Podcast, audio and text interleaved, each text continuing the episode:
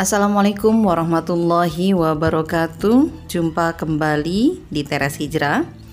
Di Teras Hijrah kita bersama istiqomah untuk meraih ridho ilahi. Kali ini bersama saya Tri Sulasiana Baiduri. Saya akan menjelaskan satu kondisi yang ini sering dialami oleh kita, seorang istri.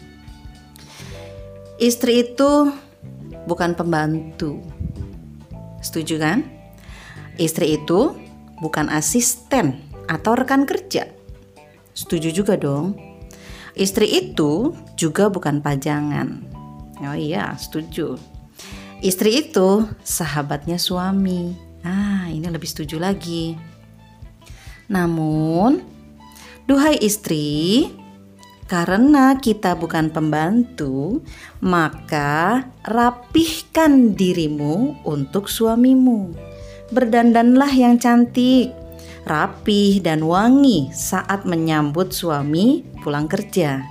Setidaknya cuci muka, cuci tangan, sisir rambutmu supaya tidak ada wangi-wangi sedap, sedap bawang ketika suami pulang.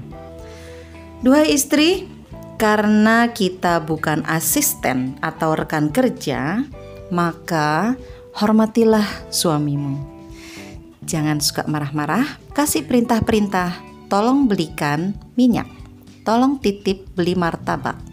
Tolong titip itu cucian jangan berantakan ya.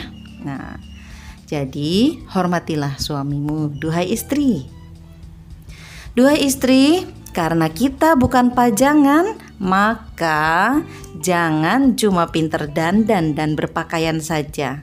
Perhatikan juga anak dan suamimu. Mereka perlu juga tampil rapi, bersih, wangi. Bukan hanya kamu yang tampil wangi dan kinclong. Karena itulah rawat dan urus juga mereka. Perhatikan gizinya, perhatikan kenyamanannya, dan perhatikan ridho suami. Duhai istri, engkaulah sahabat suamimu. Hanya kamu yang halal untuk jadi teman terdekatmu, teman curhat, dan teman berbagi rasa. Tidak boleh ada perempuan lain yang menerima curhatan hati dari suami, demikian juga curhatan hati istri. Harusnya curahkan kepada laki-laki lawan jenis ke suami saja, jangan ke laki-laki yang lain. Setuju? Dan untuk suami, seuntai kata-kata pujian, seulas senyum simpul, dan satu belayan sayang kepada istri sanggup menjadi energi tambahan untuk istri menyelesaikan semua tugas rumah tangganya.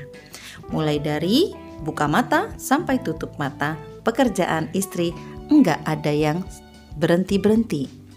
Maka, jika masih ada cucian yang belum dicuci, baju yang menumpuk belum disetrika, piring-piring yang masih kotor di bak cuci piring, rumah yang berantakan, dan anak-anak yang belum dimandikan, sangat mungkin hal itu terjadi karena suami lupa mencium istrinya sebelum berangkat kerja, atau lupa membisikkan kata-kata pamungkas di telinga istrinya kalimat-kalimat sayang yang bisa bikin booster istrinya semakin tinggi, atau bisa jadi kehabisan tinta untuk menuliskan seuntai kata rayuan di selembar kertas untuknya yang ditempel di kulkas.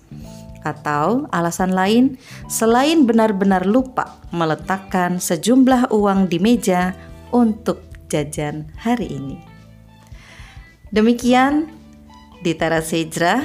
Sampai jumpa di Teras Hijrah berikutnya. Bilahi taufik wal hidayah.